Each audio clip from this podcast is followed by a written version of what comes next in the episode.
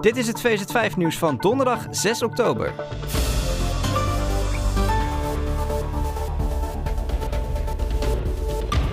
Manchester City heeft woensdagavond ook zijn derde Champions League wedstrijd gewonnen.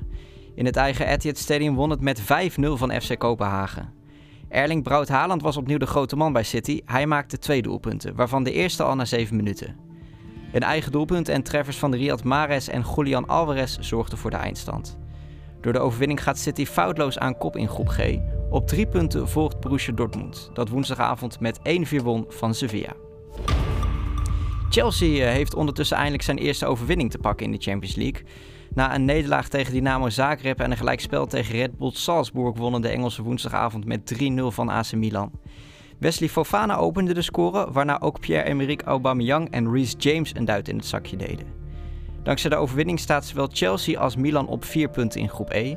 De verrassende koploper in die groep is Red Bull Salzburg, dat woensdag met 1-0 van Dynamo Zagreb won. Valentijn Driessen is hard in zijn oordeel na de 1-6 nederlaag van Ajax tegen Napoli in de Champions League.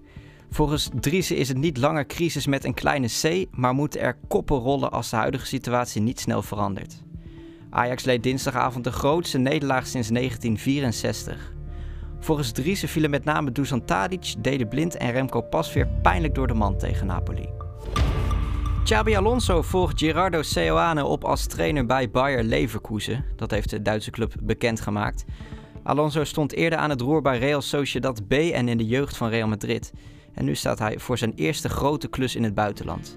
Leverkusen staat momenteel 17e in de Bundesliga en verloor dinsdagavond in de Champions League nog met 2-0 van FC Porto.